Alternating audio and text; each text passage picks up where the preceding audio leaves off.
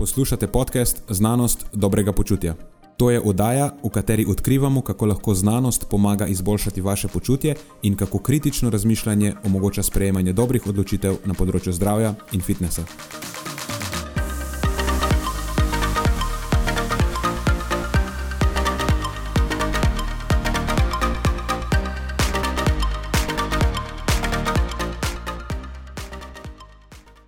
Preden začnemo, pa se moram zahvaliti še našim sponzorjem. Zaenkrat to še vedno ni velika korporacija, temveč zvesti poslušalci, ki nam izkazujete zaupanje in podporo s prijavo v našo člansko skupino Znanost dobrega počutja.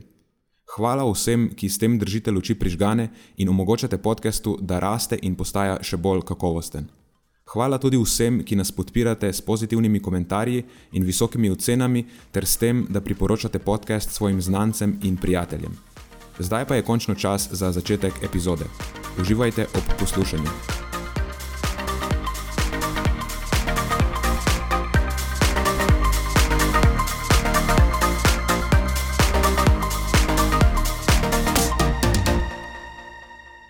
Ta epizoda je na nek način prelomna epizoda, bolj kot je kjerkoli druga epizoda pred to epizodo bila prelomna. Namreč s to epizodo obračamo nov list lahko temu rečemo, zaključujemo končno drugo sezono in prihaja tretja sezona podcasta, za katero pripravljamo precej nekih novosti. Podcast bomo probali narediti bolj zanimiv, bolj zabaven, bolj uporaben. Sicer ne manj kontroverzen, tako da neka mera kontroverznosti bo, bo tukaj pač ostala. Ampak načeloma ja, ga bomo probali narediti malo bolj ljudskega.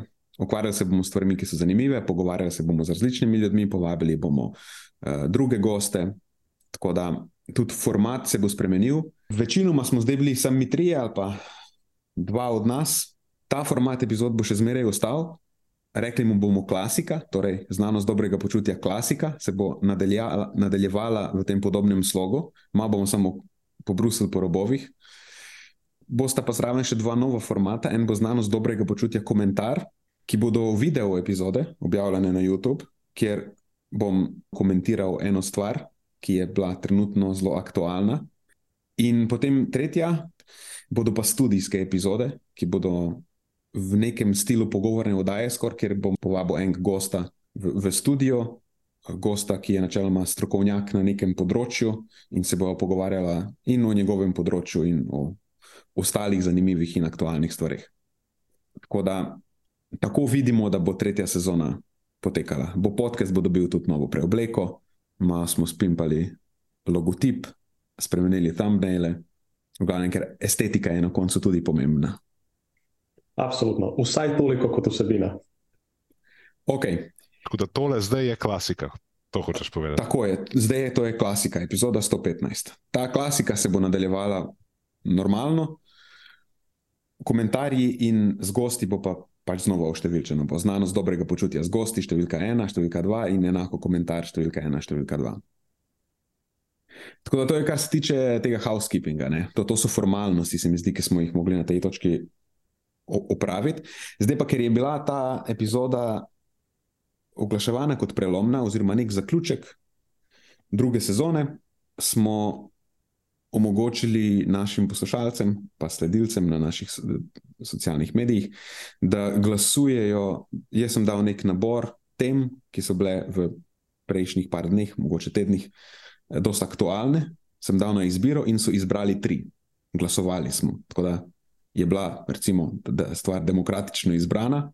In teme, ki so zmagale, so prva, ki je dobila največ glasov, je ali je debelost bolezen in pa zdravila proti debelosti, torej kaj mi mislimo o zdravilih proti debelosti. Eh, druga je, želeli so komentar tiste metaanalize o vplivih vadbe z bremeni in strečinga na fleksibilnost ali mobilnost, kakorkoli bomo temu rekli, uh mhm. -huh. obseg gibanja. No, tretja stvar pa je naš komentar nedavno Joe Roganovo objavo, kjer je predstavil neko stvar, ki se ji reče prehranski kompas, ki bojda trdi, da so Lucky Charmsi, oziroma to so neka popularna žita za zajtrk, tako podobno kot nek neskvik kroglice pri nas. Torej, da so ti laki čarmsi bolj zdravi od zreska, da jih je, je smiselno, da zdaj vlada v sodelovanju z živilsko industrijo želi uspodbujati ljudi, da, ali pa jih prepričati, da zamenjajo meso za laki čarmse, ker je to bojda boljše. In kaj mi mislimo o tem? Zakaj sem se odločil dodati to zadnjo tematiko, sploh v nabor, v, v to glasovanje? Ker sem dobil par vprašanj prejšnji teden, kaj si mislim o tem. Tako da očitno je nekaj, kar jaz sploh nisem vedel za to, ampak ne spremljam Joe Roganovega profila. Ampak očitno je to nekaj, kar Joe Rogan je nek precej popularen tip, tako da ima nek vpliv uh, na to, kako ljudje dojemajo, kaj je pomembno pri prehrani. Super, pester nabor. Všeč mi je ta demokratičen pristop. In mogoče je to nekaj, kar bi želel vzdrževati tudi v prihodnje, v naslednjih epizodah klasike, vsaj v nekem deležu teh epizod, da se v stvarih glasuje, da, da imajo ljudje, ki to poslušajo, občutek, da v bistvu so ustvarjali vse v končni fazi. Za njih to delamo, oziroma za vas, ki to poslušate. S katero od teh treh tem bi se, bi se želel začeti? Najprej s tisto, ki je dobila največ glasov. Obljubil sem, da bomo obdelali dve. Tretja pa je, če nam ostane za dost časa, wildcard opcija, Wildcard op opcija je v tem primeru Joe Rogan. In tudi če nam ne uspe Joe Rogan obdelati danes, še zmeraj lahko posnamem komentar epizodo, namenjeno samo temu. Mislim, da je ta Joe Rogan, um, sorry, da ti skačemo besedo, ampak ta Joe Rogan komentar je. To sicer meni ni podobno, samo je res butastno. Mislim, da. um, ok, torej prva stvar je, moramo razmisliti, kako bomo sploh to začeli. Ne? Zdravila proti debelosti. To je nekaj, kar je v zadnjem obdobju povzročilo precejšen boom, se mi zdi. Ali imate video podoben občutek? Ja, mislim, da se je začelo mogoče malo večji boom, tako kot običajno, čez lužo, zdaj pa mogoče tudi malo pronica k nam. Zanimivo je, da veliko ljudi ima že zelo izoblikovano mnenje o tej zadevi. Jaz ga zanimivo nimam, pa tudi moram biti uh, odkrit, nisem na svojem delu, pri svojem delu zares opazil, da bi kdorkoli mi omenil. Karkoli o tem, pa tudi ljudje niso glih najbolj uh, še poštekali, uh, da je to sploh opcija ali pa čemu je to namenjeno. Tako da moje opažanje je, da, da, ni, da ni glih to nekaj, kar je zelo, um, o čem ljudje vejo zelo veliko. No? Okay. Kaj bi pa rekel, kakšen je nasplošno odnos ljudi, ko jim rečeš, da je možno debelo, debelost zdraviti z zdravili, ali pa celo to, da je debelost bolezen?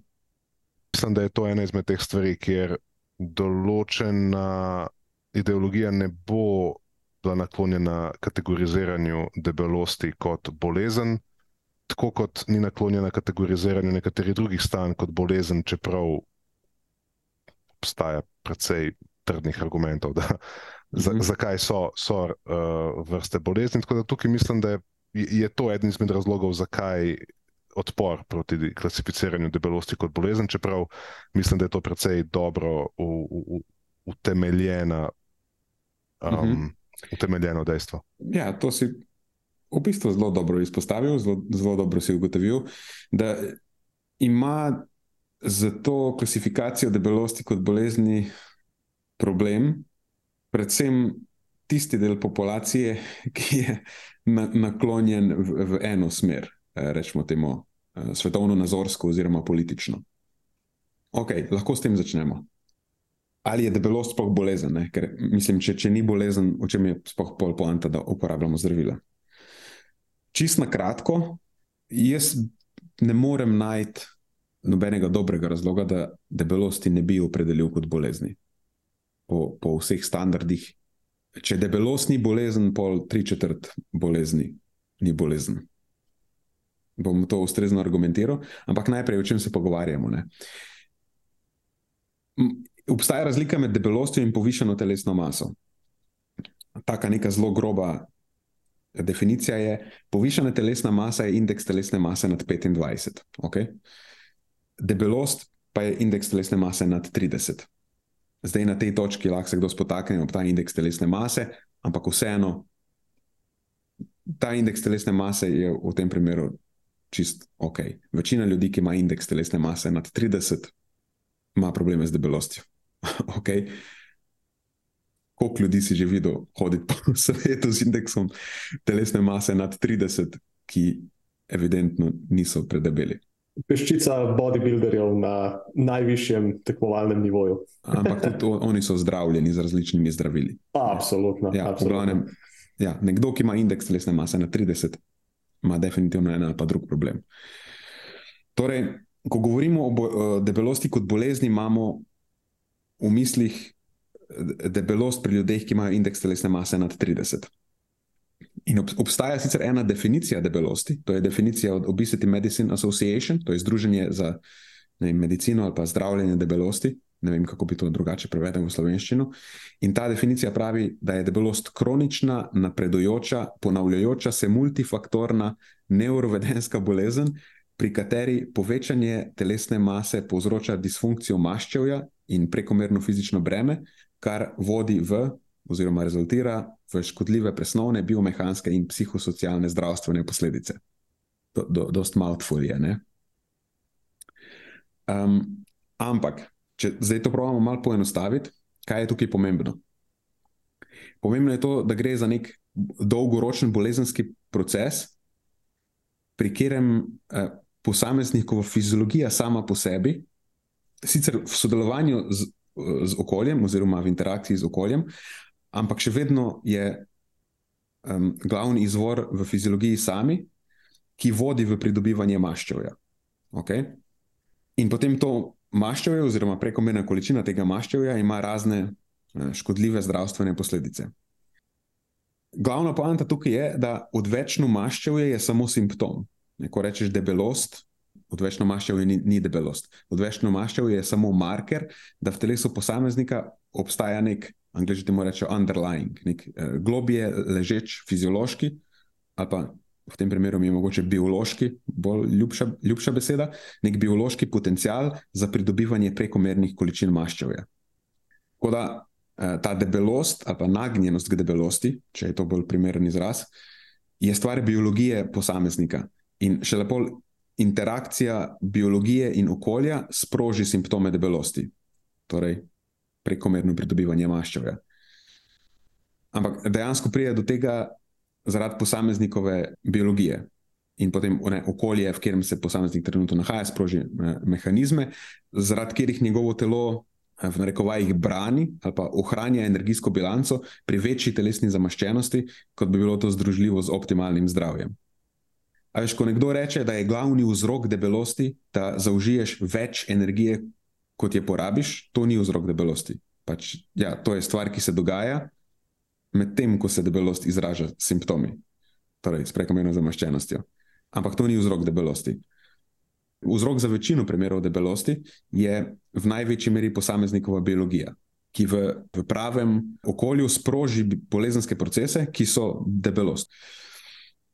In eh, pravo okolje je to, točno to okolje razvitega sveta, v katerem so ti razni debelilni dejavniki. Imamo hiperpalatabilno hrano, ki je tudi vedno lažje dostopna, je bolj cenovno ugodna, je vedno bolj priročna, niže je potreba po telesni dejavnosti, pol imaš pa tu še razne druge sprožilce, ne, prenajedanja. Ta hrana se reklamira, večje porcije so vedno bolj normalizirane. Družabne priložnosti danes vedno večja je vloga uh, hrane, se mi zdi, v teh družabnih priložnostih, uh, še posebej hrane, bolj hiperpalatabilne sorte, in tako naprej. In ja, zdaj to okolje lahko do neke mere prilagodiš, sam ne moreš ga v celoti, až ne moreš ga postaviti čist na glavo. Večina ljudi, ne glede na to, kako si želijo spremeniti svoj življenjski slog, a pa svoje okolje, bo še, bo še vedno živela v razvitem svetu. Ne? in pri tem jim lahko njihova biologija povzroča težave. Mm, kar pomeni, da če imaš nekoga, ki je močno nagnjen k debelosti, za njega je v bistvu edina rešitev, da se pol umakne iz razvitega sveta in se ne vem, preseli v gost ali pa v neko državo tretjega sveta. Ker pri tem človeku, ki je nagnjen k debelosti, bo njegova biologija povzročila, da bo telo branilo višjo telesno maso, kot bi bilo za to idealno. Zveni, kot ko postaviš, zveni rahlo pogubno, kot da se nič ne da storiti. Lahko zveni tudi tako. V smislu, če si ti nekdo, ki je nagnjen k debelosti, recimo, da je to tvoja ahilova peta, imel si. Um, Máš debelost, recimo v, v, v družini, ali pa ne. Se pravi, to je nekaj, kar te, te opredeljuje že od malega. In, in zdaj živiš v trenutnem okolju, kjer je vsakršno gibanje že skoraj da um, potreba po njem je, je skoraj da zmanjšana. Uh, hrana je vse posod na voljo, narejena je na veliko kalorij in veliko super okusa. Se pravi, eh, ko, ko postaviš tako, da si v bistvu v izgubljenem položaju in je tvoja rešitev, da se prešeliš v državo tretjega sveta, kjer težko rečeš, da. Mislim, to, bi razume, to, bi, to bi podrazumevalo, da pa v drža, državah tretjega sveta nimajo težav z debelostjo. Um, pa, pa, pa v bistvu nekako imajo. Ne? V bistvu, ja, v državo tretjega sveta, kjer primanjkuje hrane. V bistvu, kot da se ja. preseliš v neko okolje, kjer primanjkuje hrane. Ja, se sem razumel. Ja. Ja, na, načeloma, tudi če imaš nekoga, ki ga njegova biologija predispozira za debelost, če mu ne daš za dost hrane, ne, ne bo mogel postati debel. Gre se za to, da obstaja nek underlying biološki mehanizem, ki določene posameznike sili v to, da vzdržujejo višjo telesno maso, kot bi bilo za njih idealno. Ker če tako gledaš, večina ljudi z debelostjo več ne pridobiva telesne mase v nedogled, ampak se ponovadi ustavijo na neki točki, oziroma varirajo okoli neke točke, in, in to točko v veliki meri določa kombinacija njihove biologije in okolja, v katerem se nahajajo. Tako da pač to je tista točka, na kateri njihovo telo zaznava. Pač za to osnovno količino telesnih zalog energije. Problem je edino ta, da zaradi njihove biologije v trenutnem okolju je ta točka precej više, kot bi bilo zdravo. In vsi mi se nahajamo v, v nekem sodobnem okolju in to sodobno okolje lahko samo do neke mere spremeniš. Absolutno, da se ti lahko spraviš nižje, samo nižje znotraj nekega razpona. Pač mhm. Ponavadi imaš vedno nek mismeč eh, med apetitom oziroma občutkom sitosti in pa tem, kar tvoje telo zaznava kot uh, primerno količino maščevja. In do tega ponavadi pride na ravni možganov, pod vplivom hormonov, ki so odgovorni za um, uravnavanje energijske bilance. V glavnem prek apetita, pa želje po telesni dejavnosti. To, to je dejansko glavni model uh, debelosti. Večina ljudi z debelostjo zaužíva preveč energije zato, ker so lačni po tem, ko več v narekovajih ne bi smeli biti. In ker jih telo odvrača od telesne dejavnosti, močneje, kot bi bilo to v njihovi situaciji koristno. Sicer obstajajo še drugi mehanizmi, pač mehanizmi, ki vplivajo na vedenje, povezane s hranjenjem in um, željo po telesni dejavnosti, ampak uh, ti so pa bolj stvar psihologije, pa življenjske zgodovine in tako naprej. Sam v resnici so ti mehanizmi odgovorni za precej manjši delež debelosti. Um, mislim, realno je to neka čist druga debata, ločena od uh, današnje. Sam v večini primerov je vzrok debelosti biologija posameznika, delovanje hormonov, odgovornih za uravnavo energijske bilance in njihova signalizacija na, na ravni možganov. To bi pomenilo, da so prilagoditve življenjskega sloga oziroma nek poskus ponastavitve sistemov, po katerih funkcioniraš, uh, pristopi omejene učinkovitosti, uh mhm. -huh. ki ti omogočajo velike ne boriti se ali pa zmanjšati tiste mogoče najbolj ekstremne negativne posledice, ampak se istočasno ne izogniti povišenemu tveganju, ki nekako prihaja iz naslova prekomerne telesne zamaščenosti. Ne? Kar želim povedati, je, da mogoče uspeš zmanjšati ne, nek, nek ekstrem, ki bi ga sicer dosegel. Ne, ja, prav, boriš znotraj... se proti najbolj ekstremnem scenariju, da tako rečem. No. Ja, imaš dane neke predispozicije, mogoče lahko bolj plastično ali pa z enim takim karikiranim primerom pravim predstaviti. Na, načeloma je tvoja genetika je tista, ki, ki določa tvoje predispozicije. Se to je tudi razlog, da v sodobnem okolju lahko ziger več kot 50 odstotkov, eh, nekaj ocene so tudi več kot 70 odstotkov, debelosti pripišemo genetiki. In tvoja genetika določa tvojo biologijo, razpon, znotraj katerega ti je lahko svoj, s tvojo telesno maso udobno, v bistvu ne, ne glede na okolje. Recimo, če vzamem moj primer. Na, na podlagi nekih izkušenj sem jaz ugotovil, da je meni lahko z mojo telesno maso udobno tam nekje med 80 in 100 kg. Jaz sem 181 cm, tako da če to standardiziram na indeks telesne mase, je nekje med 24 in 31. Da, to, to je recimo ne, nek moj razpon. Ampak, kje točno znotraj tega razpona mi bo udobno, je odvisno od tega, kako jaz prilagodim svoje okolje. Če si vse stvari, da jim rečemo, zoptimiziram, če zavestno omejujem debelilne dejavnike, potem nimam nekih velikih problemov, da, ste, da se vzdržujem tam okoli 80 kg. Če pa neham paziti, pa začnem zbirati hiperpalatabilno hrano, pa debelilnih dejavnikov ne omejujem, pome je pa lahko enako odobno na 100 kg.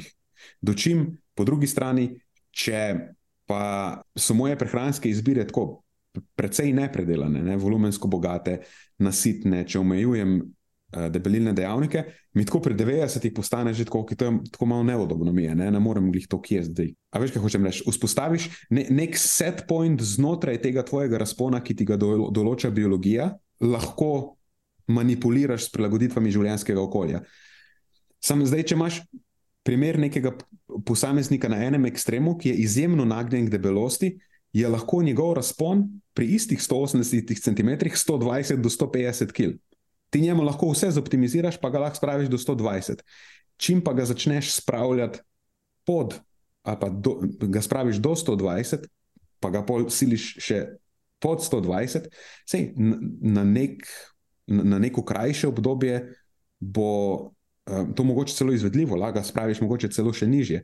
Sam fora je, ker se bo na ravni možganov preko hormonskih mehanizmov njegovo telo začelo upirati, začelo bo braniti nek set point znotraj njegovega genetsko predispoziranega razpona. Lahko poskušam jaz tebe zdaj sam v dveh točkah povzeti, da razumem, da vidim, če, če, če, če prav razumem. Prvič, v bistvu govoriš o tem, da probaš, če se že ne moreš preseliti v državo tretjega sveta, kjer nimajo hrane, recimo, da to ni tvoja možnost, potem imaš rešitev, da probaš shekati sistem oziroma okolje znotraj okolja. Vzpostaviš neko ne, okolje v širšem smislu, v katerem živiš, je neugodno in boš imel skozi problem, ki ga ne boš mogel rešiti, ker nisi dobro opremljen, da bi ga lahko rešil. Lahko pa ustvariš okolje znotraj tega okolja, recimo se gibaš, domače okolje, okolje v službi in tako, in tako dalje. Ja, prehranske prilagoditve. Razvijaš neke tako prehranske prilagoditve, razvijaš neke, neke sisteme in veščine, ki ti pa v bistvu pod navednicami umetno pomagajo vzdrževati ali pa ne, ustvariti drugačno okolje, ki pa je um, primernejše za te, da lahko se držiš tega nižjega ranga, kjer se še počutiš udobno, oziroma kjer je ker si še, ja. bli, še blizu uh, telesni sestavi, ki je primerna ali pa skladna s tvojim zdravjem, zdravstven, z ciljem. Ne? V bistvu ni tako, ja, ampak ni nujno, da je skladna s svojim zdravjem. Če imam nekdo, ki je bolj, ja, bolj, bolj, kot bi bilo sicer, to, bolj, so, bi bilo to, sicer, to, to je bilo pomembno. Bolj kot bi bilo, recimo, če, če tega ne narediš. Ja, ampak za posameznika, to, to je pomembno, poanta tega je, za posameznika, ki ima bolezen debelosti, je lahko ta razpon, znotraj katerega se on lahko prilagodi, vedno previsok, oziroma nikoli ne more doseči tistega deleža ali pa količine maščevja, ki bi bil najbolj združljiv z optimalnim zdravjem, ker se mu bo telo prej začelo upirati. In s tem se navezujeva na drugo točko, ki sem jo slišal prej, ko si govoril, da bi bila precej pomembna veščina, ali pa da rečemo nek, nek, nek, nek, nek kos znanja, ki bi ga mogli mi imeti, ki take ljudi nagovarjamo, ali pa ki bi ga mogli imeti prehranski strokovnjaki, ki delajo v praksi s takimi ljudmi, da lažje razumejo, kaj se z njimi dogaja in da jim tudi znajo komunicirati. A me razumeš, kaj hočem povedati? Da, da jih ne silijo nekam, kamor ja. ne v bistvu bo imel težavo priti, ali pa da rečem bolj natančno, kjer bojo imeli težavo ostati, ker ti že lahko mogoče prideš na neke um, načine, ampak potem, kot si rekel, telo se bo začelo opirati in bojo začeli um, nazaj lest proti um, tistim, tisti točki, ki, njihova biologija, ki jo njihova biologija prepoznava kot za nje bolj. Ja, ki jo pač brani, neko točko, ki jo brani. Znotraj reč, tega ja. respona, ki je za njih predispoziran, ja, ki jo brani. Se, se pravi, da nehamo prodajati na nek način debelim ljudem lažno upanje, da samo če bojo. Samo, če bodo dovolj disciplinirani, samo, če bodo dovolj motivirani, samo, če bodo sledili našim eh, ne, metodam dela, samo, če bodo ne vem, nekaj, kar mi prodajamo, bojo oni lahko dosegli karkoli si že želijo doseči in bojo uspeli tudi to vzdržati. Se pravi, to je na nek način manipulativno do, do njih. Ja. To, to, to je v bistvu en takeaway, drugi je pa ta, da tako kot znotraj programa, recimo, um, postani mojster svoje prehrane, imaš konkretno ti celo poglavje, oziroma cel, cel segment, kjer se, samo, kjer se ukvarjate samo s prilagoditvami okolja, kjer v bistvu poskušate jim prikazati deležnicam programa, da, kaj vse lahko naredijo, da probejo shekati se pravi ta sistem, da si uredijo svoje notranje okolje znotraj. Širše živijo, da si omogočijo najboljšo šanso za uspeh, kakršnega jim pač njihova biologija dopušča. Ja, in to je v bistvu prvi korak, s tem, s tem začnemo. In ja. temu je kar velik, velik del, ki mu namenjamo.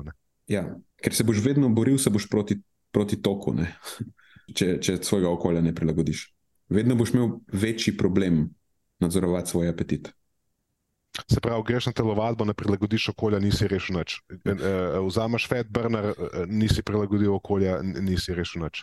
Greš na LCHF dieto, nisi v bistvu ne, prevzel nekih, nekih veščin ali pa razumevanja in znanj o tem, o čemer govorimo zdaj, ne boš v bistvu rešil nič. Se pravi, vse, kar sem zdaj naštel, v bistvu samo potem prispeva k neki frustraciji, ker se vedno znova in znova vračaš nazaj na podobno izhodiščno točko skozi neko obdobje časa. Ja. Pač učinkovit način za boj proti povišani telesni masi, sploh se ne rabimo še ukvarjati z debelostjo konkretno, je, da um, z različnimi prilagoditvami zadaneš nadzorovanje apetita. Zdaj, če imaš nek neekstremen primer, kjer ima nekdo samo povišeno telesno maso, kjer si lahko precej zagotovil, da ta njegov razpon je zadost širok, da lahko samo s temi prilagoditvami doseže nekaj, kar je blizu idealnega. Potem, absolutno, sej, samo, samo s prilagoditvami okolja, ne z zadostno telesno dejavnostjo, s prilagoditvami prehrane, absolutno lahko dosežeš nek precej tudi nizek delež telesne maščobe. Sam, ko pa govoriš o ekstremnih primerih, potem pa samo intervencije na področju življenjskega sloga ne bodo zadost. In to so, to so ti primeri, kjer rečemo, da je debelost bolezen. Ker samo s intervencijami na področju življenjskega sloga ne moreš doseči, oziroma vsaj ne na dolgi rok, vzdrževati telesne mase ali zamaščenosti na, tisti stopnji, ki bi bila združljiva z najboljšim zdravjem. In tukaj polostopijo zdravila. Ker ti že, ok, zadaneš življenjski slog, ampak ne moreš zadeti biologije s prilagoditvami življenjskega sloga. In ta zdravila, ki so učinkovita proti debelosti, se uporabljajo v primerih točno teh ljudi, ki imajo najbrž ta razpon tak, da je tudi spodnja meja tega razpona bistveno višja, kot bi bilo za njih idealno. In potem pri teh ljudeh zadanejo njihovo biologijo na ta način, da se ta spodnja meja premakne nižje. Recimo, da zdaj imaš tega enega našega hipotetičnega posameznika, ki ima 180 cm, pa je njegov razpon v osnovi genetsko predispoziran na 120 pa 150 kg. Če mu daš ta zdravila, ki so učinkovita, lahko spodnjo mejo vem, znižaš, recimo, spet karikirano, do 90 kg. In potem te prilagoditve okolja bodo bolj učinkovite, lažje se bo držal, ne bo se njegovo telo borilo proti znižanju telesne mase, dokler spet ne doseže spodnje točke. Pojmo pa poveš, da za zdravila. In spet ključen takeaway tukaj je, da spet tudi v takem primeru rabiš oboje. Rabiš ja. učinkovita zdravila, ki znižajo ta, ta, ta spodnji rang um, telesne mase, in potem rabiš še prilagoditve okolja in, in veščine, oziroma pridobitve življenjskega sloga, da boš lahko tam tudi potem ostal, ker če tega nimaš in samo priješ dol zdravili. Ne? Mislim, ne boš prišel zdravili, samo po navadi nikamor. Zdravila ja, samo, so samo tiste, samo ki, na ravni, bi, ja, tako, ki na ravni ja. biologije se borijo proti ja. mehanizmom, ja. Ja, ki ti onemogočajo vzdrževanje zdrave telesne mase. Potem pa so prilagoditve življenjskega sloga, s katerimi to dejansko dosežeš. Drugač pa sam, da ne bo kdo mislil, da je to na debelost omejeno. Zelo podoben princip sem, v bistvu je druga plat istega kovanca. Spomnite se sam vse ljudi, ponovadi so to neki mladi športniki, ki se ne morejo zrediti enako je. Pač to so ljudje, ki so pa odporni, odporni proti debelosti, oziroma odporni proti povišanju telesne mase. Veš, tudi njim lahko rečeš, ja, sam jesti moraš več. Sam ne, ker. Recimo, spet, če uporabimo en hipotetičen primer, imaš mogoče nekega 180 cm visokega posameznika, kjer je pa njegov genetsko določen razpon, pa biološko določen razpon, ne vem, 60 do 70 kg. In ko bo on dosegel zgornjo mejo 70, se mu bo začelo upirati, ne bo mogel jesti več in bo v bistvu doživel zelo podobno tesnobnost kot nekdo, ki je predebel, samo zaradi drugačnih pritiskov. Rečemo temu. Frustriran bo, ker ve, da je v svojem športu manj uspešen, manj kompetitiven, zato ker ima prenisko telesno maso. In spomnite se, vse, kaj, kaj vse smo probali s temi ljudmi in kako težko nam je bilo, kako težko je bilo njim. Kaj se mi zdaj, um, ena misel se mi je pojavlja, pa mi, se mi zdi dovolj zanimiva, da jo, da jo delim. Mi se spomnimo zdaj ob tem na vse ljudi, s katerimi smo imeli težave, ki so se res trudili, ki smo jim ne, na vse žive možne načine smo jih, smo jim poskušali pomagati, pa so se vedno znova vračali nazaj. Na, Tisti, ki pa nas poslušajo, se mi zdi pa, da imajo glih kontra. Izziv. Oni pa se ob tem, ko te poslušajo, spomnijo ali pa si rečejo, kaj pa on en primer, Se pravi, mi vidimo vse tiste, ki predstavljajo večino, in, in, in, in, in razumemo, zakaj pač ni za izpostavljati outlierje. Tisti, ki pa nas poslušajo, si mislim, pa, da glih so fokusirani na outlierje. Ja, Nenad, a veš, kaj pa on en model, ki pa je jedel gainer, je pa treniral trikrat na teden, ne vem, štirikrat na teden, pa je potem prišel iz, iz, iz, iz ne vem, 60 kg na 80 nabitih. In, in tukaj na vsakem področju si predstavljam, da tukaj obstajajo pač neki outlierji. Ne? Ja, seveda. Obstajajo. Ja. Tako, ne? in to je nekaj, kar se mi zdi dovolj pomembno izpostaviti, da ne bodo ljudje mislili, da če pa poznajo nekoga, ki mu je uspelo, ne, da to ne pomeni, da, da. Nekdo lahko ima kapaciteto se zrediti. Sej, lahko je njegov genetsko določen razpon od 60, od 60 pa do 90, 150. Ne vem, pa se ja. na pamet govorim. To, to niso številke, ki so ja, ja. v literaturi. Sa, za, za, za pač prikaz. Nekak, ja, za, prikaz, oziroma nekako konceptualno sem probo prikazati, kaj trenutno literatura kaže. In on, ko bo imel prehrano, ki ni zelo hiperpalatabilna, ne, kjer v bistvu ni izpostavljen veliko debelilnim dejavnikom, bo mogoče imel 60 kg, ampak pol bo s čim bo začel dodajati gainerje, pa se prenajedati, bo mogoče z lahkoto se zredil na 80, 90 ali pa še več. Ali pa spet zelo hitro padel, čim ne bo dovolj pozoren, ja. da vzdržuje vse to. Ja. Ampak se mi zdi, da še bolj, če že govorimo o primerih slikovit primer je. Vsak pozna enega, ki lahko poje karkoli, pa se ne bo mhm. nikoli zredil. Ne? Ja, to mhm. so točno ti ljudje, ki so odporni na debelost. Njegovo telo pač brani zdravo, pač zdravo količino telesne mase, skoraj ne glede na to, kaj, kaj dela. Pač večina ljudi ni takih. Ampak to je recimo primer tega, ker je njegov biološko predispoziran razpon precej nizek. To, kar si omenil, je uh, kot hipotetičen primer, Ja, sploh ni hipotetičen primer. Po mojem, si še z metrikami točno zadev in višino in razpon.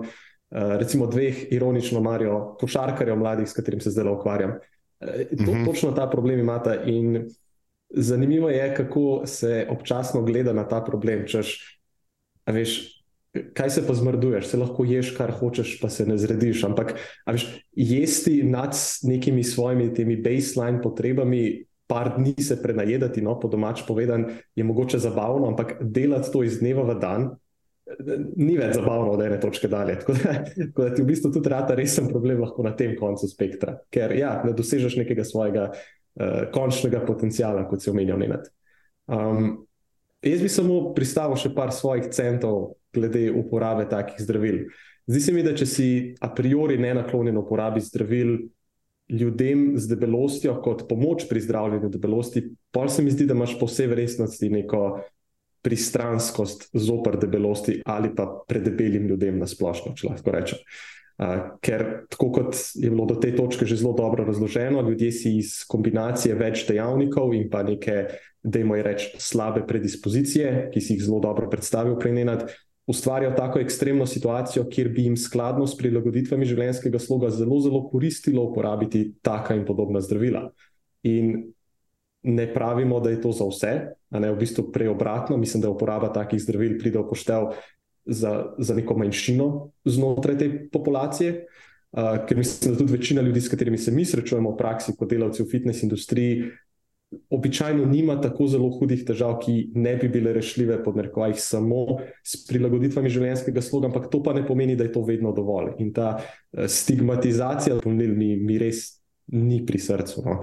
Um, na tej točki bi sam še referiral na podcast epizodo številka 11, zato ker je zelo taka komplementarna temu segmentu. In sicer tam si ti Nenad razložil še malo podrobneje o vzrokih za razvoj debelosti, vpliv genetike, presnovne stopnje, socioekonomske dejavniki in pa malce smo se dotaknili že te stigmatizacije debelosti na splošno. Malo ti bo sem tukaj skočil. V bistvu tista epizoda rabi popravek. Takrat jaz še v bistvu nisem bil zelo dobro seznanjen, kako točno definirati debelost. In mislim, sem precej siguren, da je bila tam moja definicija debelosti vezana na, sam, na, na samo zamaščenost. Um, nisem mm. sicer zihar, ampak do neke, mere, do neke mere bi pa rekel, ja, da, da mi ni bila ta distinkcija čist jasna. Da, da je v bistvu zamaščenost samo simptom debelosti. Mm -hmm. Okay. Mm, ampak izuzetno, mislim pa, da so tisti ostali segmenti precej on point. Uh, in, in vredni še, še ponovnega poslušanja. Ok. Zdaj, jaz bi sam nekaj povedal še o teh zdravilih, predem to stvar zaključimo. Imam pa še en primer. Ne? Na začetku sem povedal, da če, če debelost ni bolezen, pol tri četrt stvari, ki jim rečemo bolezen, ni bolezen. En tak primer, ki se bo, po mojem, se bo res usedlo. Vemo, da so določeni ljudje, ki imajo familijalno hiperholesterolemijo. Pomeni, da imajo genetsko povišene ravni holesterola. Oni imajo v tem primeru biološko predispoziran nek razpon, znotraj katerega se njihove ravni holesterola lahko nahajajo. Ti lahko njim prehrano zoptimiziraš in vse ostalo, kar hočeš, on bo zmer, imel še zmeraj povišen holesterol. In edino, kako ga lahko spraviš, skoraj edino, kako ga lahko spraviš na optimalno raven, je, s farmakološko terapijo. In enako je tukaj. Imáš posameznika prirojeno predispozicijo k debelosti, in kakorkoli ti njegove stvari prilagajaš, ga najbrž ne boš mogel spraviti na neko optimalno telesno maso. Če pa tem spremembam potem dodaš še farmakološko terapijo, pa mu to lahko omogočiš. Ja, dobra primerjava. Zelo dobra primerjava, ki tudi zelo, zelo dobro tudi podčrtava tisto ključno sporočilo. Um, eno gre z drugim, ne gre pa eno na mesto drugega. Ja. Drugač pa to, to je, naredil sem domačo nalogo. V bistvu sem mal, mal preko Twittera, mal preko ljudi, ki pri nas dejansko uporabljajo te terapije, ki je ta terapija je tudi pri nas že v uporabi. In so mi povedali za anekdote, kjer ljudje uporabljajo to terapijo, ampak so se na njej še zredili. Drugač, ta terapija je na splošno izjemno učinkovita. Če se uporablja v kombinaciji s prilagoditvami življenjskega sloga, je tako izjemno učinkovita. Tudi bom na hitro pol povedal, ko bom predstavil sama zdravila. Ampak, če pa ti greš na to terapijo, pa misliš, da lahko ješ kre, kot kreten, pa ždiš pred kavčem cele dneve, pa si se pa zmotil. ja. Ker se ne bo nič zgodilo. Ne, to je namen teh zdravil, je, da ti omogočijo, da lažje spremeni svoj življenjski slog, pa bolj dosledno, idealno do konca življenja, ustrajaš pri teh spremembah. Drugač pa, ok, v katerih zdravilih se zdaj sploh pogovarjamo? Dejansko se je zdaj zgodilo v zadnjem obdobju, v zadnjih nekaj letih, smo dobili prva zdravila, nasploh prva, ki, ki so učinkovita za, rečemo, temu zdravljenje debelosti ali pa proti debelosti. In ta zdravila brez izjeme targetirajo točno one mehanizme, ki smo jih um, že prej omenili. To so mehanizmi, ki so upleteni v disregulacijo apetita uh, pri teh posameznikih, ki imajo hudo nagnjenost uh, k, k debelosti. Pač targetirajo tiste hormone, oziroma receptorje za tiste hormone, ki v glavnem nadzorujejo apetit in občutek sitosti. Drugač, na področju uravnavanja apetita, kjer, ajde, kaj vam rečem, kateri hormoni so najbolj znani? Inzulin, glukagon. Na ta dva najprej pomislim, glede apetita, vsaj. No? Okay, meni se pa, pade najprej leptin, pa grelin mi padete na pamet. No, pač leptin kot nek lajšno rečeno hormon sitosti, ampak ki je dejansko nek signal dolgoročne energijske razpoložljivosti, ne višji delež maščobne mase, kot imaš, višji je tvoj leptin in potem to zavira tvoj apetit, načeloma v normalnih pogojih. Grelin pa, spet lajično rečeno, je nek hormon lakote in je tako po domače zaslužen za povečan apetit nekaj časa po obroku. In recimo pri predebelih posameznikih je pokazano, da prihaja in domoten v signalizaciji um, leptina in tudi grelina. In potem, ko izgubljajo telesno maso, imajo še nižji leptin in višji grelin. Ampak to je recimo samo eden izmed mehanizmov, ki je, ki je mogoče najbolj znan. Ta leptin in grelin sta mogoče najbolj znana, najdlje že vemo za njo. Nis, nista pa niti približno edina, ki sta pomembna v tej zgodbi. Drugač pa eh, trenutno učinkovita zdravila proti debelosti imajo v bistvu čist drugo tarčo, to je GLP-1, glucagon-like peptide 1, oziroma njegovi receptori. Pravzaprav. Ta zdravila so agonisti receptorjev GLP-1. Agonist pomeni, da delujejo na, na receptor GLP-1, pri čemer posnemajo delovanje tega GLP-1, ta pa v možganjih signalizira sitost, eh, povzroča pa tudi inhibicijo kontrakcije prebavila oziroma upočasnitev prebave. Ne. Pomeni, da se hrana počasneje premika skozi pre, prebavila, in poleg tega, da si zaradi signalizacije na ravni možganov eh, čutiš večjo sitost po obroku imaš zaradi upočasnjene prebave tudi dlje časa poln želodec in s polnim želodcem je lažje jesti manj. To, to sta v bistvu glavna mehanizma. Obstaja še nekaj drugih, ki bi lahko dodatno prispevali. Recimo izločanje inzulina je ena taka stvar, GLP-1 vpliva tudi na izločanje eh, inzulina, ki je mimo grede tudi sitostni hormon. Sam da se tukaj pač ne zapletamo preveč. Je um, signalizacija podobna GLP-1 na ravni možganov in upočasnitev prebave zaenkrat sta to sprejeta kot glavna razloga, zakaj so te zadeve učinkovite. In drugač, tudi zanimivo, pokazano je, da ljudje z debelostjo imajo nižje ravni GLP-1 in izguba telesne mase povzroči še do, do, do, dodatno znižanje GLP-1. Tako da pač v luči vsega tega, eh, vseh teh hormonsko pogojenih procesov, je tista mantra, da ljudje z debelostjo samo niso niso dovolj ustrajni, pa da nimajo dovolj velike želje shujšati, mislim, dost smešna. Ker nisem še slišal, da bi lahko z ustrajnostjo in željo vplival na povišanje, recimo, leptina in GLP-1, pa da bi lahko si zaželel, da se ti zniža grelin. Zdaj bom bil mal, um, tako lahko rečem, ajde direkten, ampak tako. Zdi se mi, da je tak način razmišljanja o debelosti, neznan sami industriji in strokovnemu kadru, ki dela s ljudmi, ki imajo težave z debelostjo. A, je, a, a se razume ironijo? Ja. Se, se pravi, ljudje, ki imajo take težave z debelostjo, grejo po pomoč k strokovnjakom, ki ne razumejo problematike, dobro, s katero se ukvarjajo, in jim potem predajo sporočilo, ki jim efektivno ne pomaga. Ne?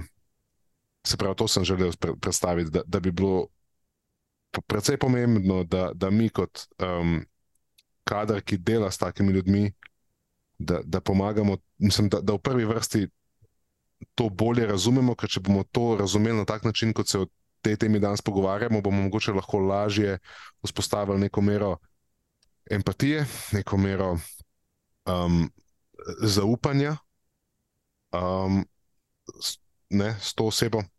in posledično tudi lažje potem omogočimo nek napredek, neko vzdrževanje uh, doseženega, lažje bo tudi ona sama razumela, kaj se z njo v bistvu zares dogaja, kot pa to, kar počnemo zdaj. Ne? Češ pač delovati več, pa je imen, pa če kot ti to ne rata, si, si tako, tako sama kriva. Ne? ne želiš si zadost močno. Ne želiš si zadost močno. Nič ni narobe s tem, kar jaz počnem, ker jaz to isto počnem, pa nisem debela, ne? torej očitno funkcionira pač ti pa, ne, ti pa zdaj pač ne počneš tega in si debela, in to je torej v bistvu problem v tebi. In um, ta način komunikacije in v bistvu razumevanja debelosti strani ljudi, ki delajo z debelimi ljudmi, ne, kot sem rekel prej, se mi zdi, da je v bistvu ta nek paradoks, ki je um, precej zaskrbljujoč. Tako da um, mislim, da je to naša dolžnost. Jaz bom prvi dvignil roko in priznal, da v vseh teh letih svojega dela bi mi ful koristilo, če bi te stvari vedel prej, če bi jih razumel prej bolje, ker, lej, Bog ve, ali pa kdorkoli drug že, da sem v. Da sem v svojem času imel opravka s precej debelimi, predebelimi posamezniki, ki bi jim lahko pomagal bolje, in od zdaj naprej, ne, um, ali pa ne od zdaj naprej, pač ne, ne mislim od danes naprej, ampak v tem času zdaj, ko so ta znanja na voljo, ko jih razumem bolje, lahko, hvala Bogu, pomagamo ljudem bolj. Uh, in ne več samo na tak način, da ponavljamo eno isto mantro, ki očitno ne funkcionira že vrsto let. Uh, Medtem, ko se število ljudi, ki imajo težave z debelostjo, enostavno viša in viša, ne obratno. Mislim, na, načeloma, ja, ko, ko delaš z nekom, za katerega posumiš, da bo imel ta, to težavo. Mislim, ko, ko, veš, ko, ko ti nekdo pride z indeksom telesne mase 35 ali tako 40. Ja, lahko začneš s prilagoditvami življenjskega sloga takoj. Sam, mogoče bi ga bilo pametno nasloviti tudi k zdravniku, a veš, da pokrijete še to bazo. Ker za tega posameznika bo najverjetneje najbolj učinkovit pristop, kjer se bojiš na obeh frontah. Ker se bojiš na fronti biologije, kar bo naredil zdravnik, in ti se boriš sočasno na fronti prilagoditev življenjskega sloga. In zato, to, zato imamo dokaze. To je tisto, kar deluje. Ker na, v večini raziskav, ki preverjajo učinkovitost teh zdravil, drugače, konkretno zdravila oziroma učinkovine te, učinkovine v teh zdravilih sta zaenkrat predvsem liraglutide in semaglutide. In sta bili uporabljeni sočasno s prilagoditvami življenjskega sloga. Zdaj, prvi je bil ta liraglutide, ki so ga najprej uporabljali za menedžiranje diabetesa, ker pač GLP-1 spodbuja izločanje inzulina ne? in to je nekaj, kar je za diabetike tipa 2, govorimo o tipu 2, koristno. Ampak so pa zelo hitro ugotovili, da ti ljudje precej dosledno izgubljajo telesno maso, ko je terapija za dosti dolga. In izgubili so tam 5 do 8 odstotkov telesne mase, oziroma v primerjavi z kontrolno skupino, ponavadi 5 odstotkov. Zdaj, to ni posebno vplivno, je pa klinično relevantno. In ta zadeva je že okoli deset let na trgu, to ni nekaj novega. Zato imamo že precej, precej dokazov. Tudi vemo, da ni nekih zelo hudih ali pa zelo pogostih hudih stranskih učinkov. Samo ta stvar ni bila tako boom, ker pet odstotkov pač ni nek ekstra zanimiv rezultat. No, pol imaš pa leto 2017, ko se pojavi nov igralec, eh, in ta nov igralec je v bistvu modificirana verzija liraglutida in to je semaglutid. In spet, najprej se je pokazal učinkovit pri uravnavanju diabetesa tipa 2. No, sam tukaj se je tudi pokazalo zelo podobno, samo bistveno bolj vplivno. Ti ljudje so dosledno izgubljali telesno maso, in pol nekje konec 2020, začetek 2021, je postalo jasno, da je semaglutid izjemno učinkovit za izgubo telesne mase, precej bolj kot njegov starejši brat. In uh, tukaj so pa rezultati taki, da po nekaj mesecih terapije so udeleženci v interventnih skupinah izgubili več kot 15 odstotkov telesne mase. Kera prilagoditev življenjskega sloga pri večji skupini ljudi v povprečju povzroči izgubo 15 odstotkov telesne mase. To je praktično, kot bi rekli, nevideno. Ker tukaj govoriš o masi ljudi, tu ne govoriš o enem posamezniku, ki mu se ti posvečaš, ampak o, o vzorcu, to je povprečje. In pol, to je bilo 2021, je potem bil semaglutid odobren tudi kot zdravilo proti uh, debelosti. In to je tista točka, na kateri se je zgodil boom. Sploh, ker so se z rezultati pohvalili razni znani posamezniki, pa estradniki. Mislim, da Elon Musk je nekdo, ki je, za katerega sem jaz zasledil, da je. Med izgubil- najbolj znanimi. ja, signifikanten, uh, signifikantno količino telesne mase. Um, drugač pa še to. Počasi v uporabo prihaja še en boljši kandidat, tirzepatide, ki v prvih raziskavah kaže tudi več kot 20-odstotno izgubo telesne mase. In ta zadeva ne targetira samo GLP-1 receptorja, ampak deluje tudi uh, kot agonist uh, GIP, to je glucose dependent insulinotropic factor. In kaže celo, da bi ta trizepatid lahko bil podobno učinkovit kot bariatrična operacija. Tako da to je do okoli 30 odstotkov, torej zni, ne, znižanje telesne mase za 30 odstotkov eh, pri uporabi daljši od 6 mesecev. In še več. precej manj invaziven. Ja, ja. Tako da ta tirzepatid so že odobrili za diabetes, ka- kar pomeni, da bo verjetno kmalo tudi za debelost odobren. In kot kaže, je prihodnost zdravljenja hude debelosti tako zgleda precej svetlo. No? Odlično. no, zdaj pa moramo še upraviti to, kar je nujno, ampak moramo reči, to ni nek quick fix. Te intervencije ponavadi trajajo nekaj mesecev, leto dni ali pa še več. In ta stvar je učinkovita samo dokler to jemlješ. Ker v načeloma v raziskavah so une podskupine, ki so prenehale s terapijo, pol v roku enega leta, pričakovano, ne tako kot ko nehaš z dieto ali pa z, z um, nekim režimom vadbe, pridobiš večino telesne mase nazaj. Tako da v roku enega leta so ponovadi te podskupine pridobile dve tretjini telesne mase nazaj. Tako da zadeva deluje, dokler jo jemliš. Pač moraš zaradi bolezenskega stanja, pa zaradi nagnjenosti, moraš zadevo uravnavati do konca življenja. Uh, s tem. Je pa, je pa dobra novica ta, da so stranski učinki v bistvu um, ali niso hudi, ali so pa celo prehodne narave. Najpogosteje sta to slabost, pa bruhanje, neka vrtoglavica, take stvari. Načeloma, pol kot ti to zdravnik uh, uravnava terapijo, začneš na manjših odmerkih, pa potem s časoma zvišuje odmerke, tako da um, tudi to gre mimo. Zanimivo, da ljudje, ki imajo največ če, pove, zapovedati čez ta zdravila, pol doskrat rečejo, da ja, valjda, če povzroča zdravilo slabost in bruhanje, ne, pol ne moreš jesti. Sam v bistvu ni, um, ni tako, ker ti neželeni učinki sploh niso povezani z učinkovitostjo. Recimo, unikem doživljajo največ slabosti, pa bruhajo vmes, pa tako niso nič bolj uspešni s to terapijo, kot tisti, ki tega ne doživljajo. Tako da ni, ni to razlog, brez skrbi. Še ena stvar, ki jo je pa tukaj velja izpostaviti, je pa ta, da ta terapija je draga. Ne, to, to ni nekaj, ker brali smo naslove člankov, kot a bo zdaj ambulanta postala lepotni salon, whatever, ne, ker bodo zdaj vsi hodili po ta zdravila, da bodo znižali svojo telesno maso. Lej, za enkrat mesec tega stane 1000 evrov. to je tako izjemno drag fat burner. Nekako ne vidim, da bo. Tudi zavarovalnice bodo zelo težko pristale na to, po moje, in tudi ni nekaj, kar si lahko vsak privošči. Sploh pa pri nas so stvari tako urejene, da si ne moreš kar zmisliti, ker v terapijo boš užival. Mogoče v Ameriki, ampak tam bo. Če je to mogoče, nisem zihar omejeno na tiste, ki imajo največ denarja, ki si to lahko privoščijo. Mislim, meni se zdi, da tisoč evrov na mesec do konca življenja je nekaj precej realnega za našo situacijo. Tako da mislim, da večina ljudi je zdaj rekla, da ja, ni panike, ok.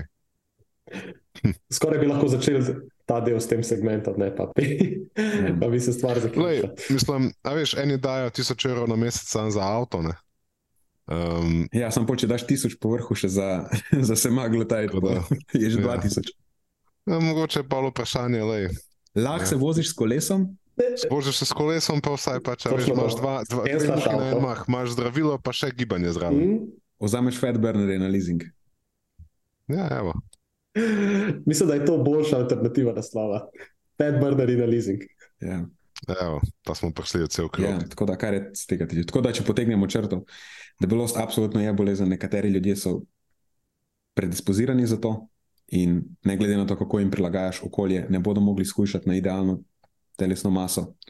In za njih je to zdravilo indicirano, in s tem jim lahko omogočiš, da s prilagoditvami življenjskega sloga, predvsem prehrane in telesne dejavnosti, dosežejo, um, če ne idealno telesno maso, da se temu močno približajo. Tako da jaz ne vidim nekega protiargumenta, no, zakaj, zakaj, to, ne, zakaj ne bi bila ta terapija pač sprejeta kot nekaj normalnega. Za tiste, zato, za katere je to indicirano. Zato, ker je nekaj novega in ljudje imamo ponovadi težave z vsem, kar je novo. Mogoče. ja. se, se mi pa zdi, da je tudi neka ideološka komponenta tukaj. Ne? Tako kot se reče, določeni ljudje imajo problem s tem, da debelost vidijo. Kako strani informacije pridejo. To ali pa da debelost vidijo kot nekaj, kar je dejansko uh, ima izvore v biologiji ali pa nekaj, za kar si lahko predispoziran, da ni nekaj, kar lahko samo s trdo voljo in s tem, da se odločiš, uh -huh. uh, odpraviš. Potem je tukaj še ja, ta stigma. Ne? Mislim, ja, sej, nimam več kaj dodati na tej točki. Vse smo kar najbrž izkoristili dobrodošlico tistih, ki nas poslušajo, najbrž v treh delih že. Matjaš je dobil domačo nalogo, da, danes, da predstaviš članek, ki, ki je bil na drugem mestu na glasovanju. On je znan po tem, da je bolj jedrnat kot jaz. Tako da mhm. tukaj, po mojem, ne bomo rabili toliko časa. O, zdaj sem pod pritiskom, da sem uh, še bolj jedrnat kot običajno. Ne, ne, ne rabiš biti bolj jedrnat. Ok, super, me veseli. Skratka, druga tema je bila stretching proti vadbi z bremeni za obseg giba. Uh, gre se za sistematični pregled in meta-analizo od Alfonsa in sodelavcev iz leta 2021, naslovljena Strength Training versus Stretching for Improving Range of Motion, a Systematic Review and Meta-Analysis. Torej, vprašanje je v osnovi, katera oblika vadbe ima večji vpliv na izboljšanje obsega giba, oziroma na raztegljivost, mogoče po domače, ali je to vadba za moč ali je to raztezanje.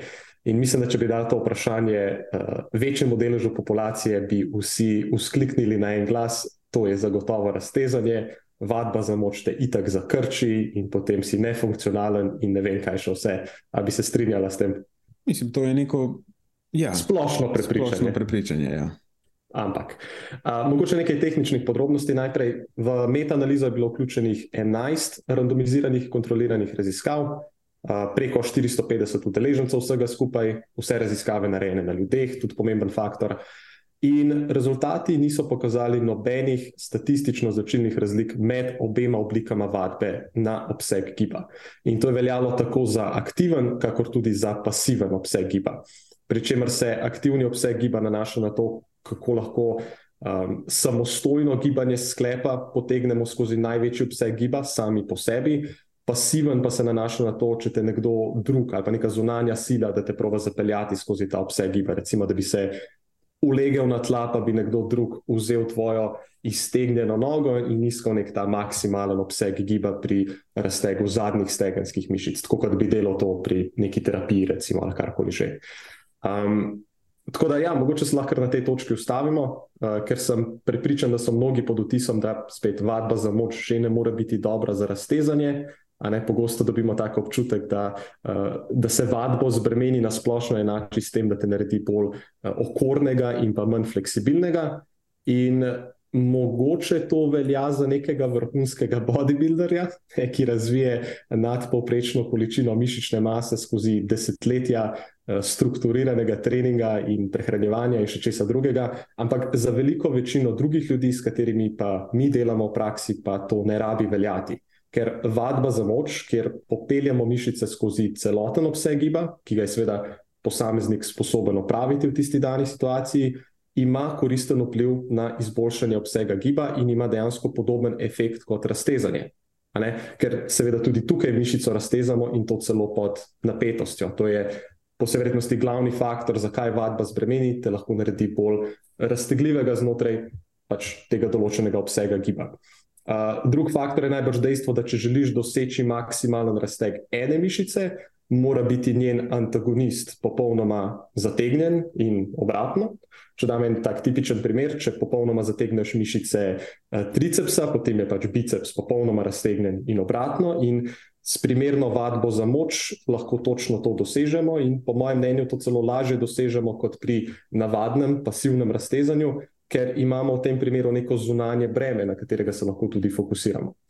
Uh, pa je pa tukaj še nek tretji faktor, ki ga omenjajo znotraj raziskave, pa se delno nanaša na že povedano, in to je ta specifično, uh, specifično ta ekscentrična komponenta vadbe za moč, kjer um, kjer se mišica razteza pod napetostjo. Naprimer, ko izvajamo mrtvi dvig za zadnje stegenske mišice, ali pa pri počepu v tem globokem delu položaja, ko so popolnoma raztegnjene prednje stegenske mišice.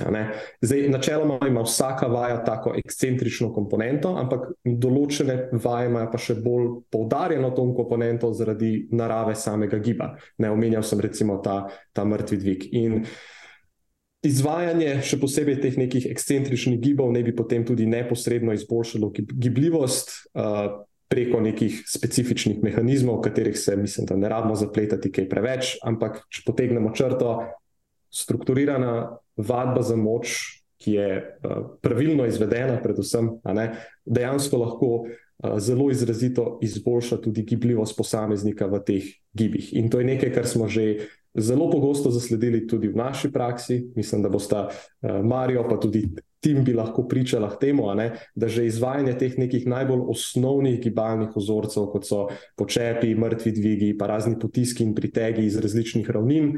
Uh, upoštevajoč posameznikove morebitne omejitve v gibanju in pretekle poškodbe, uh, izboljša ne samo moč, ampak tudi gibljivost posameznika. Ker naenkrat se lahko posameznik, recimo, globje spusti v počep ali pa naredi bolj globok predklon, ali pa se gibljivost v ramenskem obroču močno izboljša skozi čas. Uh, in tudi ta raziskava, o kateri se zdaj pogovarjamo, poroča o točno takem učinku, ki ga lahko potem zasledimo pri različnih populacijah, v smislu starosti, kakor tudi v smislu telesne pripravljenosti. Lahko to zasledimo pri vrhunskih športnikih, pa tudi starejši populaciji 65 let in plus. In uh, na tej točki mogoče še par misli, ki se mi je utrnilo nekako pri, pri prebiranju te raziskave. Um, glede na razpoložljivo literaturo in kar opažamo v praksi, očitno trening z bremeni skozi celoten obseg giba, uh, ponovno vezano na neko zgodovino poškodb in morebitne omejitve, ima dejansko podoben, če ne celo boljši učinek od samo klasičnega treninga raztezanja. In počasi bi bilo fajn upokojiti ta mit, da te vadba za moč naredi samo uh, okornega in, in neraztegljivega, ker to enostavno ne drži. Uh, po drugi strani je pa tle še en zelo pomemben faktor in sicer ta, da vadba za moč nudi veliko enih ugodnosti, ki jih pa samo raztezanje samo po sebi ne. ne. V mislih imam predvsem recimo, koristen vpliv na pusto maso. Naslednja točka bi bila tudi to, zakaj točno se zdaj sploh specifično raztezamo. Za veliko večino ljudi morajo biti raztegljivi ravno toliko, kot od njih zahteva življenje. če, me prav, če me razumete, morajo se predkloniti, pa pobrati kaj stal, ali pa dvigniti, pa pobrati iz neke visoke police, kaj, ali pa se usesti na stol in kaj podobnega, ne rabijo neke specifične raztegljivosti preko tega. Če so pa to neki športniki, ki so v igri, ki pa pač rabijo razviti neke specifične, uh, bolj izrazite. Uh, Raztegljivosti, potem pa je to seveda nekaj, kar je treba vzeti v poštev. Če se pogovarjamo za generalno populacijo, potem je pač enostavno vadba za moč tukaj povsem dovolj. Um, in še zadnja točka, ki sem jo hotel povedati, je pa to, da kljub vsemu temu povedanemu, nočem dati vtisa, da raztezanje ni pomembno, oziroma da sploh ni koristno, ker vidim situacije tudi pri delu z našimi strankami, kjer bi načrtno dodajanje raztezanja ali pa vsaj za neke specifične mišične skupine po vrhu klasične vadbe za moč.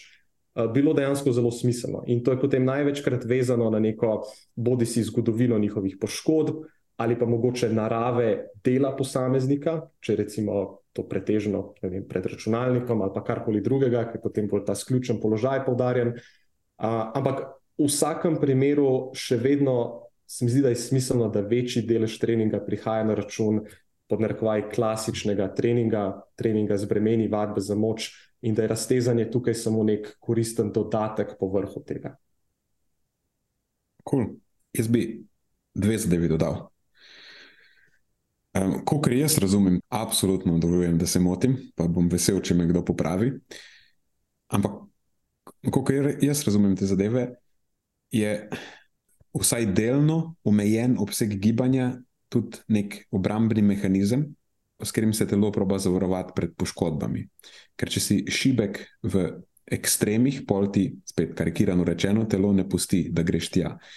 In če jačaš tudi te ekstremne položaje, torej da jih obremenjuješ, kar lahko dosežeš samo z nekim bremenom, se bo tvoj obseg gibanja najbrž um, izboljšal ker si močen tudi v končnem položaju in se tvoje telo počuti tam varno in ti dopusti, da greš tja. To je tako zelo, zelo karikirano rečeno.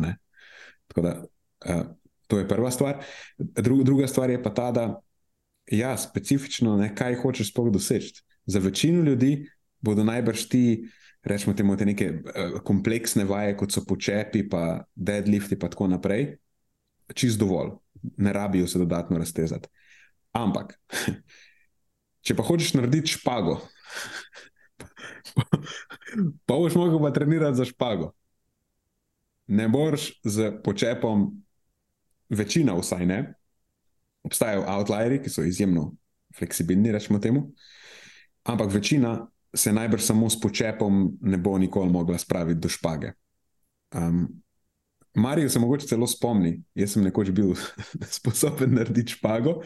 Mm -hmm. Ja, sred, se... sred, sred dnevne sobe je delo špago, kaj je napodala. Uh, ja, ampak v glavnem za to špago sem specifično treniral, pač za špago. Nisem se samo brez glave raztezal, pač obremenjeval sem tudi v ekstremih, in tako naprej. Je, je bila neka progresija, ampak sem mogel zelo specifično za to trenirati. Uh, tako da ja, izven teh nekih takih zelo posebnih ciljev, pa mislim, da je vadba z bremeni, pa te neke najbolj standardne vaje so, so čist dovolj in se v bistvu ne rabiš raztezati jaz se nikoli ne raztezam, jaz ne verjamem v raztezanje, poleg tega, da ne, da ne verjamem v grevanje in uhlajanje, ne, to se zdaj malo šalim. Um, ampak, ja, ok. Uh, ja, kaj sem hotel reči, to, da je v bistvu um, izven teh nekih zelo posebnih ciljev, mislim, da je lahko ne, neko tako zelo raztezanje, ki ti ful časa vzame, čist kontraproduktivno, oziroma pa trata časa. Jaz imam samo en komentar. Um, ljudje smo nagnjeni k treniranju, če že treniramo. Da jim rečem, ko rečem ljudje, mislim na tiste, ki hodijo v fitness ali pa se ukvarjajo z neko obliko športa. Da se udeležujejo takih oblik športa, kjer krepijo tisto, kar je, kar nekako rabijo najmanj krepiti. Kar je zanimivo. Punce, ki imajo ponovadi, zdaj, zdaj generaliziram, tako da prosim, če se to upošteva. Ne? V osnovi tiste, ki, tisti posamezniki, ki so že tako, tako hipermobilni, ne, ki imajo že tako, tako nimajo težav z mobilnostjo, ki tako, tako z lahkoto dosežejo neke ekstremne gibe in bi jim bilo mogoče bolj smiselno pomagati temu, da so v teh, kot je rekel Matjaš, ne, si rekel, v končnih položajih, da so močnejši, da so bolj stabilni, da se jim da neko komponento stabilnosti in moči, taki ponovadi hodijo na jogo. Take punce ponovadi imajo raje jogo, ker jim je všeč, da pač ne. Ja, to jim gre dobro, vse logično dobro in potem nekako se dobro počutijo, če vadijo to, čemer so že tako, tako dobri. Dočim, kakšni um, fanti, ki dobesedno imajo včasih težave, se ne po hrbtu počohati ali pa kakšno drugo um, stvar narediti, vezano na osebno higieno, pa, pa so celi okorni, ne, taki pa delajo parcialne ponovitve. In bojo slišali to, kar je Matjaž rekel, kot potrditev svoje pristranskosti od tega, da je podcast, da je uh, streček tako, tako za nič. Uh, in bojo nadaljevali v tem. To, kar hočem reči, je, da v bistvu zanimivo je, da če opažaš, da si že tako, tako da, da je streč, da, da je gibljivost, že v osnovi nimaš težav, potem bo najbrž treni, treniranje ali pa ukvarjanje s takimi dejavnostmi, kot je yoga, naprimer, ne, kot pri, primarna oblika dejavnosti, trikrat na teden, pa dvakrat na teden, pa vsak dan, nekaj, kar ti verjetno ne koristi najbolj. Ne? In enako na, na, na drugi strani, če si fitnesser, ki trenira za mišično maso oziroma mišično moč trikrat na teden, potem ne slišiš teh besed kot srečen je brez veze, ampak mogoče bi bilo smiselno v tvojem primeru nameniti malo več časa za neko rutino.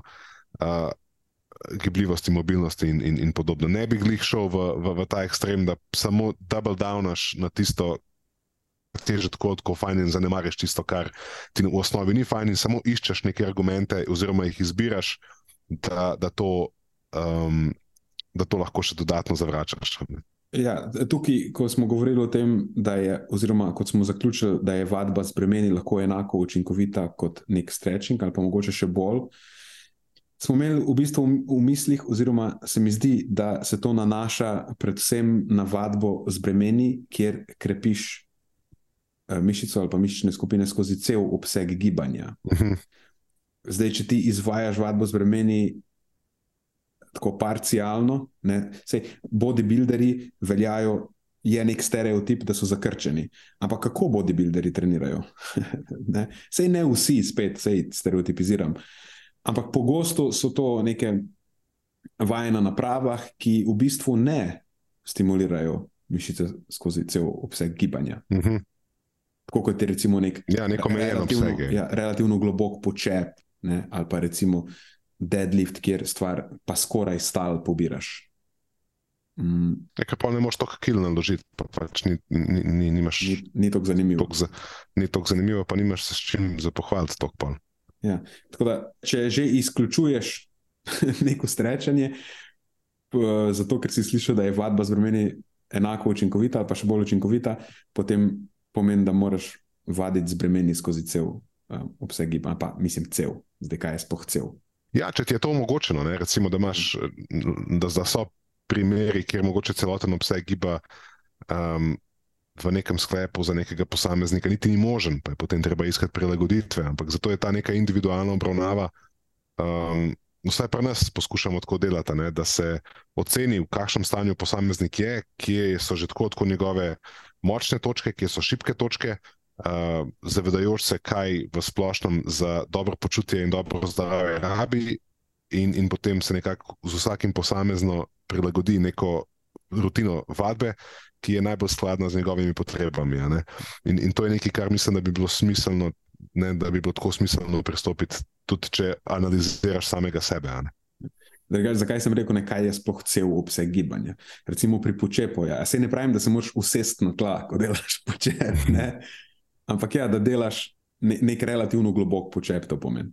Ne, tudi ne pomeni, da boš deadlift z iztegnjenimi, povsem iztegnjenimi koleni, ampak pač probaš neko smiselno, ja. zate smiselno globino doseči pri počepu. In, na, na to sem se navezoval, da, da bi rekel, zdaj spet mogoče izhajam preveč iz sebe, ampak toliko let treniram že z bremenja. In zanimivo mi je, da sem, ko sem bil mlajši, sem močno podcenjeval pomen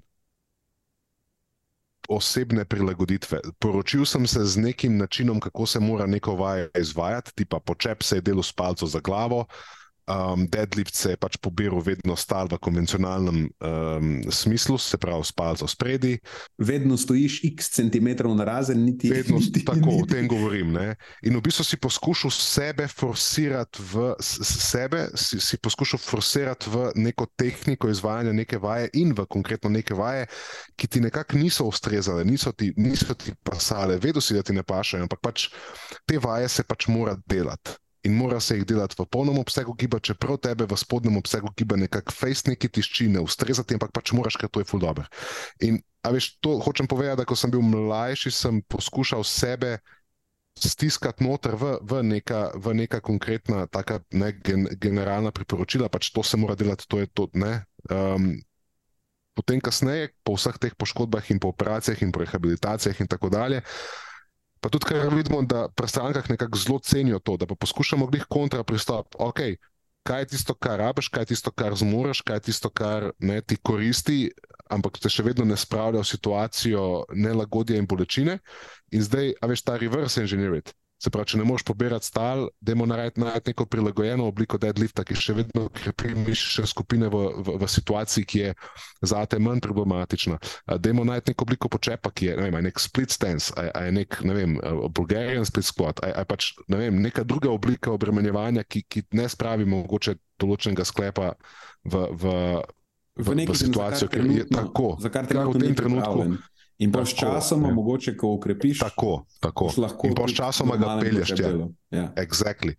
To, to sem sam hotel nekako pol, uh, v zaključku zapeljati, da Zdi se mi, da mnogo, ko opazujem, ko gremo v konvencionalen gim, kar še vedno rad počnem, tudi ko grem kam drugam, pa v tujino, pa to mi je vedno nek tak um, poklican deformacija, da rad opazujem ljudi, kako trenirajo. In to je vzrok, ki ga pri mlajših, še posebej mlajših, pa tudi pri starejših, ki so recimo samo ki mislijo, da tako ne rabijo trenere, ki bojo sami vse, koliko pa mora biti težko delati počepane. Uh, in jih vidiš, kako trenirajo, in vidiš, to ti pismo ne more ustrezati. To, to ne, ne, že ne zgleda dobro, že vidim te, kako se matraš v tem, že vidim, kako ne. Se pravi, to, to ni nekaj, kar bi. Mm, a, razumeš, da to bi bilo fajn malo prilagoditi, ne, ker to ne more biti ok. Uh, in doskrat tudi potem ta pristop na silo skozi nekaj je tisto, kar uh, ljudem uh, omogoča ustrajati pri vadbi na kratek rok. Se pravi, ko se enkrat naveličajo tega, da jim je neudobno, ko se enkrat naveličajo tega, da jih boli, ko se enkrat naveličajo tega, da um, ne napredujejo tako, kot bi si želeli, potem enostavno odnehajo od neke oblike vadbe in kaj rečejo, kaj pogosto rečejo, ko pridejo k nam. E, jaz sem probo ta fitness, to ni za me. A štekaš? Ne? Pismo, veš, nisi zares probo, ne vadi z bremeni vadba z vremeni, kako se zdaj pogovarjamo, kot ti govoriš, kot Natjaš govori, to ni mogoče res to, kar si ti probo. Ja. In ni tisto, na kar, s čimer povezuješ te mogoče negativne izkušnje ali pa predsotke, ki jih imaš. Ja, ja. Ampak, ok, mogoče sem za filozofijo. Ne, se uh, super je, ker ko, ko rečemo, da progresivno vadiš z bremeni, ne? da obstaja neka progresija. Ta progresija se nanaša, ne nanaša samo na breme, mm -hmm. da je vedno samo, veš, recimo, začel bom takoj s počepom v polnem obsegu gibanja. Pa progresija pomeni, da bom samo dvigoval bremena. Ne, mogoče Več. na začetku čist nisi še sposoben. Eh, tega Sploh priti v pozicijo počepa ja, tako. Tega počepa tako izvajati, kot treba, in pač moš najprej določene stvari ukrepiti, da se lahko sploh um, udobno spraviš v, ne, v neko pozicijo. Ne. Je, pa res, da je na koncu vedno probaš priti do, do, do tiste točke, kjer si sposoben najbolj kompleksne vaje izvajati in potem povečevati bremena. In to je nek proces, ki ne sem hotel na svojem primeru pokazati, koliko tudi nekdo, ki je učen na tem področju, ima težavo samega sebe ustrezno voditi skozi ta proces napredka Um, kaj pa še, da bi nekdo, ki ni učen, pa bi pač prišel v žim, pa bi nekako znal sam sebe tako voditi. Zato se mi zdi, da je poiskati neko ustrezno pomoč um, predvsej pomembno. In tudi sam sem jo, kar je. Ne, me, me ni sram priznati, da sem tudi sam.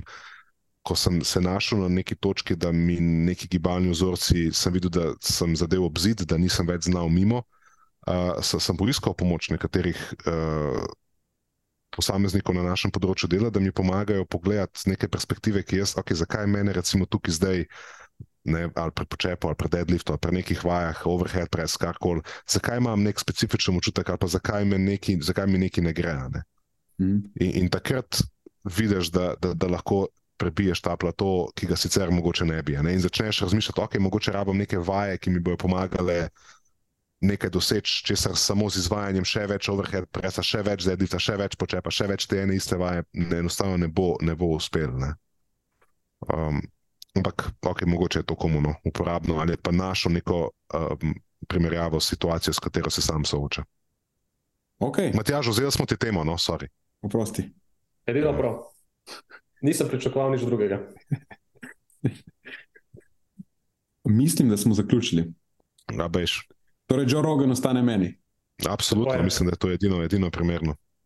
Ok, v redu. Torej, prva tema za komentar. Nač, pa na tej točki zaključujemo in se slišimo v naslednji klasiki.